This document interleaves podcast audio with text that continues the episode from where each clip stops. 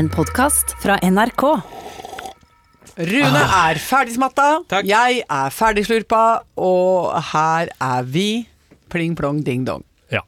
Det syns jeg ikke var en fyllestgjørende innledning til dette programmet, så jeg tar rett og slett og prøver en gang, jeg òg. Ja, ok, vær så god. Velkommen til dette programmet som heter Ja. Lindmo co. Ja. Du heter Anne Lindmo, du heter Ja. Rune Engelsøy Nord... Nei! Nei! Er det mulig? Å, det er Vi må sist. legge deg inn i en skannedingseboms og se hva som skjer inni hjernen din når du skal si navnet til Rune. Norum Engelsøy. Yes! Det, jeg tror det er noen som har dødd inni der. Altså, det er et sted hvor det stopper seg oppi huet på deg. Ja, men det er, det er litt som med Prince, Ja. dette her. Takk for sammenligninga. Ja. Jo, jo. Du mener The Artist Formerly Ja. Known As Prince, som han døpte seg Ja selv om til. Tough som som det etter hvert ble. Ja. Og du tenker nå at eh, Rune Norum har liksom på en måte døpt seg sjøl om i en så anstrengende manøver at du rett og slett ikke klarer å henge med i svingene? Ja, det er riktig. Ja. Ikke sant? På samme måte som Prince, så Ja. har Rune altså brukt omtrent 40 år på å bygge seg opp en merkevare som Rune Engelsøy Norum, Ja. og regner med da at plutselig alle over natta Ja, skal bli med på det motsatte. skal begynne å være med på, ikke sant, Statoil. Det, sier dere Statoil, eller sier dere Equinor? Nei, men altså, sier vi ikke Circle K? Ja, det Jeg vet ikke hva vi sier. ikke hva vi sier, Sier dere NSB, eller sier dere Vy? Det, det jeg mener er, det Ja, ja, tar tid. ja, ja, Det tar tid å innarbeide Ja. nye vaner. Vi skal være, ja. ok. Men, men uansett, velkommen da, eller? Velkommen Ja. til alle, dette er Lindmo co. Sånn, det skulle jeg si. Jeg vil bare si at jeg er usikker på om det er Halvor Haugen som er her i dag. Ja. Jeg kjenner på det. Jeg kjenner rett og slett på at jeg nå ser på deg, så flakker jeg med blikket og må se bort på Rune for å finne trygghet. Jeg blir urolig inni meg, Ja. fordi du har vært hos frisøren, og du har bare klippet av deg noe hår. Eh, og så har du også begynt å gre det bakover. Og jeg syns dette er enda mer Kanskje en slags transformasjon enn det navnet, lille puslete navnebyttet til Rune. Ja. Så har du plutselig blitt en annen mann, rett og slett ved å fjonge deg til i toppetasjen. ja, men jeg har jo bare vært hos frisøren. Nei, du har ikke skifta navn, men du har skifta hode. Ja. Altså, det er et nytt menneske Ja. som hos oss står det, det er som en sånn Lego-figur hvor man bare tar av hodet og Ja. på et nytt et. Ja. Og så gir det et helt nytt uh, visuelt uttrykk. Ja, men nå blir du så flau. For dette, du er i flauefasen. Ja, jeg har jo kløpt meg, og så kort på håret som jeg er eh, nå, har jeg ikke vært eh, siden liksom 1992.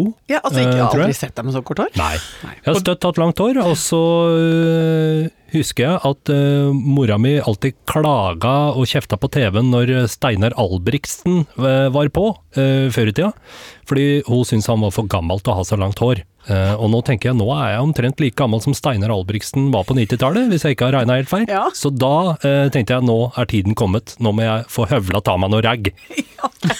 Ja, men jeg syns ikke du var i faresonen, men jeg ser poenget til mammaen din Mm. med at eh, langhåret mann eh, hvis hyssingen blir for tynn, eh, og slitasjen inntreffer, og vi går over i grenselandet mellom hår og halm, eh, eh, så kan det bli eh, vanskelig. Mm. Og det er en god del menn som løser den krisen med hodeplagg, og noen med hodetørkle. Og tror at eh, det er en avledningsmanøver. Da legger ingen merke til at jeg har tørt og livløst sår som ser ut som det er vasket i klorin. Det gjør vi. Altså, vi legger jo merke til det. Så jeg syns du har gjort noe veldig lurt nå, ved å liksom bare hive deg over i korthårsbransjen eh, før dette inntraff. Nei, jeg vil bare tiltredes det som ble sagt, Ja. og si at eh, du var ikke stygg før, men du er kjekk nå. Det minner meg om et eh, klassisk eh, Rakstad-kompliment, Ja. som er du svetter i grunn grådig lite til å være så fet. Som Eh, jo er et flott kompliment. Ja. Anne, Ja! Her er jeg! ja, da, Hva lurer du på? Nei, altså Da du kom på jobb i dag, Ja, så fikk jeg et lite inntrykk eh, av at du hadde det som uh, når man kom på jobb andre nyttårsdag.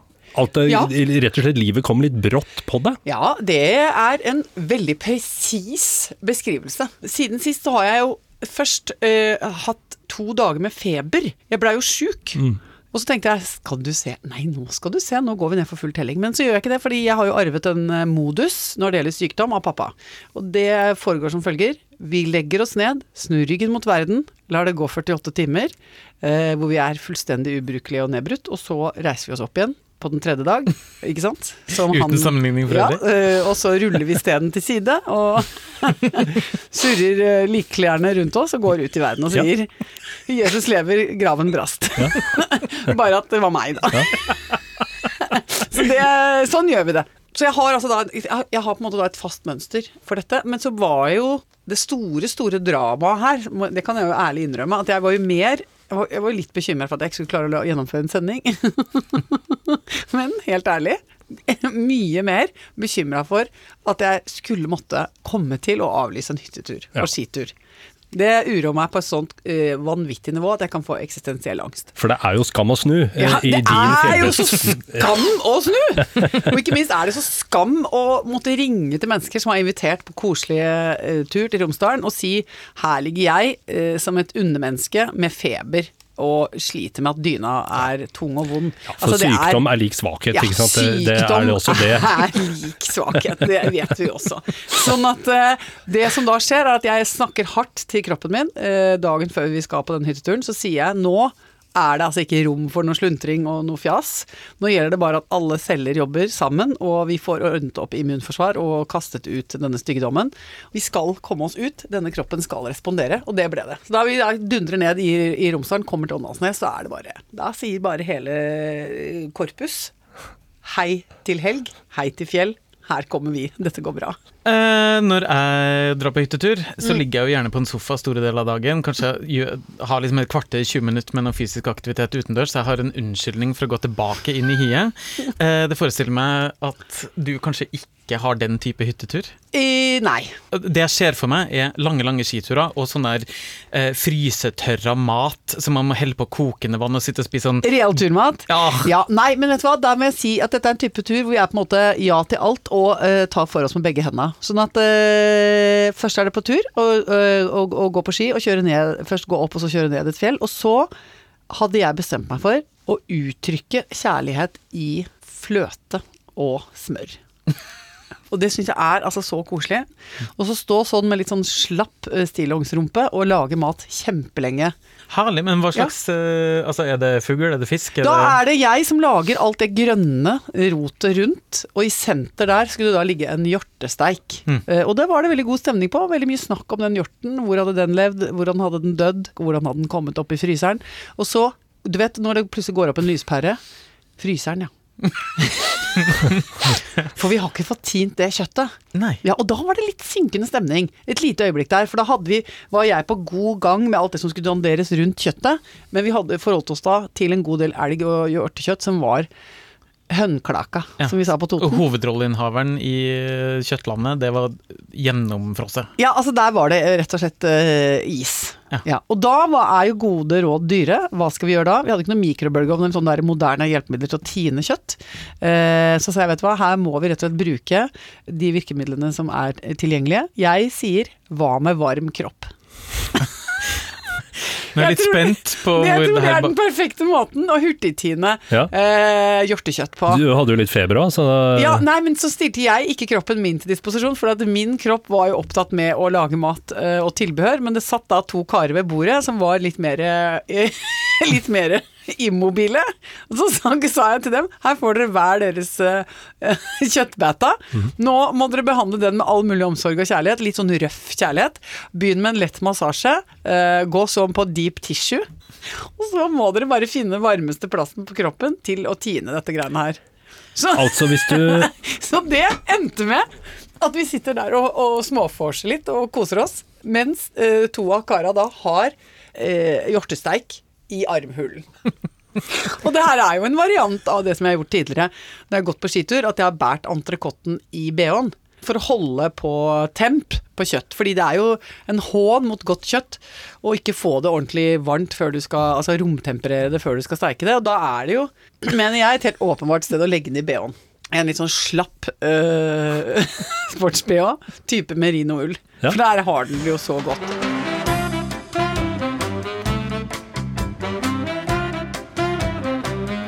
Hvordan er det med deg da, Runefar? Har du hatt noe artig helg? Du, jeg har hatt en ekstremt rolig helg, i motsetning til deg. Fordi um, i mange, mange år nå, jeg tror rundt regna ti år nesten, så har jeg levd et uh, liv uten TV. Nei, du men altså, det går jo nesten ikke an. Du jobber jo i TV, Jeg vet det. og du har ikke hatt TV. Nei. Sånn at jeg inntar eh, eh, medieinnhold via min datamaskin. Jeg har gjort det i årevis. Eh, ikke følt på behovet for å ha en større skjerm. Så har jeg inngått et kompromiss med han jeg er gift med, og tenkte ok, nå får vi skaffe oss en TV. Men, Men det kan jeg stille et spørsmål? Ja. Dere er jo veldig estetiske mennesker. Eh, og de mest estetisk anlagte menneskene jeg kjenner, de har jo rett og slett tatt avstand fra TV bare av at de syns at det er et objekt som er for stygt. Og at det har toppa seg også med sånn I shabby chic-perioden, da var det jo helt ellevilt. For da var det jo en del kjerringer som på, på død og liv skulle lage om hele livet sitt til en slags sånn kritthvit dus drøm av måte skakkjørte bondemøbler. I sånn krakelert maling. Ja. Og de sleit seg jo helt ut, disse kjerringene. De fikk jo, mange av de fikk jo rett og slett både migrene og, og, og problemer med helsa si fordi de sleit med å pakke inn teknologi. Ja, ja. Ja. Altså, ikke sant? Du, du kunne ikke ha kaffetrakter, du måtte ha den oppi en gammel brødboks av tinn. ikke sant? ja, ja. Og det er jo du- absolutt en Ja. problemstilling som jeg kjenner meg igjen i. Du kunne Men ikke ha høyttalere, du måtte pakke det inn i en gammel, eh, et, et, et gammelt trau med noe tørka roser oppå. Nedi der kunne du gjemme en liten høyttaler fra hifi-klubben. Er det sånn du har det? jeg, har, jeg kjenner meg veldig igjen i problematikken. Er det sant?! Nei, men Hovedargumentet mitt for å ikke ha TV, det er rett og slett fordi at det er mange, og jeg håper jeg ikke tråkker på noen tær her, Ja. men det er mange som har et, eh, en stor TV-skjerm som er et uh, veldig sånn aggressivt møbel, Ja. stående på i bakgrunnen med litt lav lyd og bare ta masse plass. Det er også et energisluk når man har gjester eller familie på besøk. Hvis det da f.eks. står på en fotballkamp eller et eller annet på den, Ja. så, er det, så dras folk inn dit. Ja. Bort fra det sosiale samværet og inn i sin individuelle sånn mottakerverden av uh, TV-innhold. Det har jeg vært sterkt imot. Og så har jeg inngått et kompromiss med han jeg er gift med. Ja. Eh, og tenkt ok, nå, vi sitter jo veldig mye hjemme og ser på TV-serier og sånne ting, Ja. så ja, vi får ha et ordentlig, en ordentlig skjerm eh, å vise det her på. Men dette kompromisset består da i rett og slett bare å få seg en stor TV, da. Ja. Hvor stor TV har du fått da? 55 tommer. Ja, det, det er ikke så stort. Nei, men for meg er det jo gigantisk. Jeg syns jo det er et eh, invaderende møbel i min stue å ha 55 tommer med svart skjerm. Men noe av det beste ved TV er jo nettopp eh, det å ha den stående på uten at noen egentlig følger med på hva som skjer, men det er lite grann lyd på den, sånn at det bare er litt sånn summing. Nei, det er det verste som fins. Ja, det, for meg, det, da kan du like gjerne ha en flue. Ja. som Nei, nei, nei. Jo, det er like irriterende som å ligge og sove, og så er det sånn flue, sånn spyflue som sånn dunker inn i lampa. Sånn flonk, flonk. Ja, det er jo enig i er irriterende. Ja, nei, men sånn lav lyd på TV, da kan jeg altså bli aggressiv. Nei, det er så koselig. Du kommer til å venne deg til det. Altså dette eh, borgerlige sånn nei, ikke TV, bare bøker-greiene, det kommer du til å le av om ett år, når du bare sitter og ser på Say Yes to the Dress. Men det handler ikke om at bøker er bedre enn TV. Det handler om at det går med så mye bortkasta tid. til er ikke bortkasta tid! Jo, fordi nå har jeg sittet i flere dager og sett på The British Designer Challenge av stygge, stygge mennesker som ikke kan noen ting om interiørdesign, som kjemper mot hverandre og limer pongponger på stygge lampeskjermer og tror det er kunst. Og det er timer jeg aldri får tilbake. Og så har det gått et år, og så tenker jeg fader, jeg skulle ha jobba mer frivillig. Jeg skulle ha gjort noen ting for andre mennesker. Ja. Istedenfor så, så sitter jeg på min egen drit og ser på dårlig konkurransedreven reality fra Storbritannia. Ah, Det er så sterkt.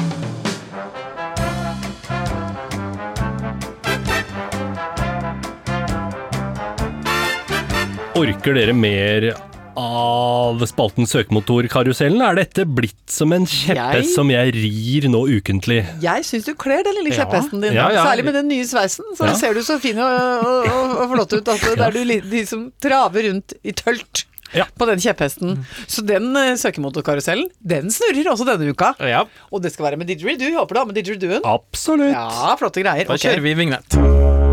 Dette er da spalten hvor eh, vi prøver å besvare det folk lurer på, Ja. som de ellers ville ha tasta inn i en søkemotor, men så er jo vi her, da. Ja. Og kan gi bedre svar. Jeg føler det. Ja, eh, Og vi har vært gjennom eh, hva er kjærlighet, og så hadde vi Hva vil menn ha? Ja, tredelt svar. Kjøtt, fred og ro. Enig. For de som eventuelt måtte ha gått glipp av den episoden. Men eh, hva er spørsmålet denne uka? Spørsmålet denne uka, det er jo kanskje ikke et stort eksistensielt spørsmål, mm. eh, men det er blant de hyppigst eh, søkte setningene mm. eh, på internett. Hvorfor ble cornflakes oppfunnet? Sier du det? Det er, Grenseløs interesse for det. Ja. Men eh, det er jo veldig eh, både relevant og et brennende aktuelt spørsmål, vil jeg si. ja, men det har jo evig aktualitet. Det er som Ibsen, Ja. ikke sant? Blir aldri le av det. Fordi hver gang man skal sette opp et Ibsen-stykke, så er man jo nødt til å understreke at Ibsen er evig aktuell.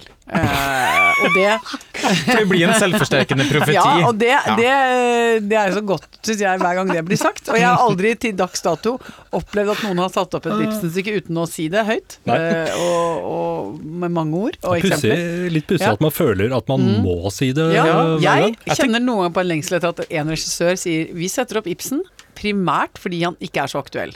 Ja. Eller at han sier, vi sier Ibsen minner oss om en tid som for lengst er tilbakelagt. Ja. Vi kan knapt ha noen referanser til de problemene som disse menneskene i dette stykket har, men det er noe moro lell. ja. Med et lite tittekabinett bakover i tid. Ingen er som skjønner noen ting av Nei, vi dette. her. skjønner ikke så mye av det. Helt ærlig, mye rart. Språk, forskjellige ting. De sier ting, gjør ting, føler ting som ingen av oss eh, på en måte kjenner oss igjen i, men vi gjør det lell. Ja. Ja. Jeg har en teori om cornflakes, hvis jeg kan eh, komme med den. Fyr løs. Jeg tror at cornflakes ble oppfunnet fordi på et eller annet tidspunkt så fikk man overskuddsmateriale fra annen kornproduksjon. Så man tenkte her er det et uforløst potensial, vi dypper det litt sukker, klemmer det litt flatt, serverer det til folket. Ja, altså det er på en måte et, et spilloljeprodukt. På Ja. samme måte som denne podkasten er spilloljen. Uh, og jeg vil si den velsmakende sådan. Uh, fra produksjonen av et TV-program. Godt forslag, men dette handler om onani. Er det fordi at hvis man tenker litt stort på det, så handler stort sett alt om onani? nei, dette Men, altså, handler jeg mener det kommer jo an på perspektiv. Eh, Altså Hvis du googler lenge nok, ja, så kommer ja. alt til å ende opp ja, i og jeg mener også at hvis du tar et stort nok perspektiv på tingene, sånn helt kjempestort, Ja. så vil jo faktisk alt kunne handle om onani. Ikke sant? Eh, mener jeg. Eh, eh, Eller Ja, sant, skal du utdype? onani eller ikke onani. Ikke? Altså, du, jo, jeg mener det. Altså, gi meg en hvilken som helst eh, problemstilling, og jeg vil si dette handler om onani. ja. Det mener jeg. Ja. Ja. dette handla mer altså direkte, helt konkret om onani, eller onaniproblemet, da. Ja, for det er et problem. Det var eh, et problem ifølge han, eh, altså cornflakesmannen, Kellogg. Som opp, så oppfinneren av, av, dette produktet? Ja, ja. John Kellogg, veldig religiøs type. Eh, også doktor, og en sånn syvendedagsadventist, eller hva det heter. Jaha. Ja, ja, ja. Ekstremt opptatt av at all form for seksuell aktivitet er en uting. Ja. Han bodde ikke på samme rom som uh, kona si, for, Ja, for eksempel. Altså dette, styggedom. Ja, styggedom. ikke sant, ja. Ja. ja. Men da- hvordan kommer cornflakesen inn i bildet? Det lurer jeg på. Og der har jeg en hypotese. Ja. Eh, fordi når det gjelder koselige ting i senga, Mm. så mener jeg at det er, en, eh, det er jo flere ting som kan være drivere for det. ja. Og så er det noen ting som kan på en måte være stoppere. Ikke sant. Det er push and pull vi Push snakker om her. ja. ikke sant? Og da vil jo jeg si at én ting som for meg eh, medfører lav trivsel i seng, Ja. er smuler. Ja. Og eh, er det sånn det henger sammen, at han eh, dr. Kellogg tenkte for at vi skal ha det så utrivelig som overhodet mulig i senga, så gjelder det å pælme oppi noen smuler.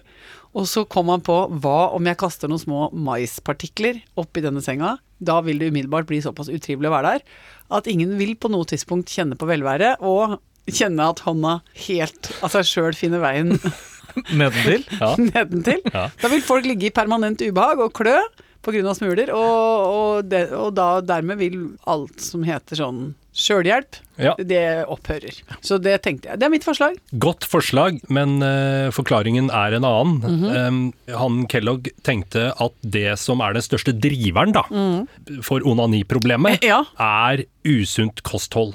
Altså folk propper i seg da usunne ting, og dermed så korrumperer man hodet. Ja, for det er liksom lysthjulet har begynt å surre. lysthjulet har begynt å surre. Du har begynt å ha velvære og er oppe i Ja, ja. magen er lykkelig, og da er veien fryktelig kort. Av med buksa. Ja. og da løste han med det. Hans legeanbefaling var jo da for å unngå å havne nedi underbuksa, så skal du bare spise sånn kjedelige ting. Ja. Sunne, kjedelige ting. Ja. Frukt og grønnsaker, melk, og da spesielt korn. Ja. Kornprodukter. Akkurat. Men altså, nå kjenner jo jeg at den cornflakespakka ser veldig annerledes ut for meg. Den har fått liksom et helt nytt lys. over Som en slags moralens vokter. Ja, og, og, og jeg vil jo si gudskjelov at uh, dr. Kellogg gikk jo på en kjempesmell. Han har jo ikke lykkes med prosjektet sitt. Nei, det var ikke nok. Nei, og det, det var jo dessverre for godt. Altså, han skapt en fristerinne innen frokostblanding. eh, Gjorde vondt verre. ah, det gjorde vondt. For det har aldri vært mer onani, dere. Aldri mer. Ja, det siste der fant jeg på, men jeg Ja. følte at jeg måtte Ja. runde av Ja. dette Ja. et sted.